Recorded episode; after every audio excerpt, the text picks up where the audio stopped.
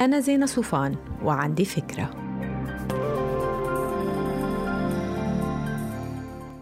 hi تعالوا اليوم نحكي عن اقتصاد الجمال ونبلش بمستحضرات العناية بالوجه أي فينا نجيبها من السوبر ماركت وأي لازم ما نسترخص فيها. وعلى فكرة الحديث للرجال وللنساء أول شيء ما ضروري نصرف مبلغ كبير عليه هو مرطب الوجه.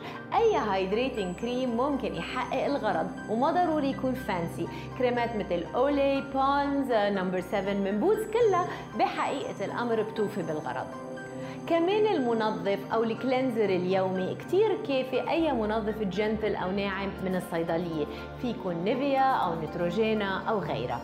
واقي الشمس كمان من المستحضرات اللي الناس بتصرف عليها مبالغ كبيرة في حين إنه رفوف السوبر ماركت فيها أنواع كثير من ال sunscreen يلي بتحمي من الشمس وما بتقل على الجيبة.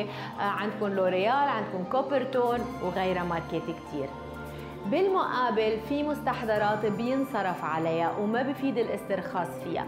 أولا ال serums يلي بتكون مليانة بتركيز عالي من مكونات بكثافة بتسمح إنها تخترق بشكل قوي البشرة أكثر بكثير من الكريمات العادية.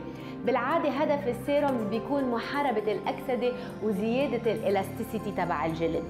تاني شيء ما خرج نسترخص فيه هو المستحضرات المضادة للشيخوخة أو ال anti-aging وهاي بيكون فيها active ingredients مركبة بشكل معين لتعطي النتيجة المطلوبة. يعني إذا رحت أنا جبت فيتامين سي أو ريتينول أو فيتامين إي من الصيدلية ما باخد نفس النتيجة اللي بيعطيها كريم مركب من هاي المكونات بمختبر. وآخر شيء أنا شخصيا بنصح بالالتفات له والاهتمام فيه هو ماسكات العناية بالوجه. بشكل عام ومن التجربة لقيت انها استثمار جيد. تذكروا إنه الماسك الواحد بنستعمله مرة أو مرتين بالأسبوع وبالتالي بيقعد فترة عنا ومستاهل أكيد ينصرف عليه سواء كنا عم نحكي عن ماسك بغذي أو بشد أو بقشر البشرة. ما تنسوا تعملوا download للفكرة؟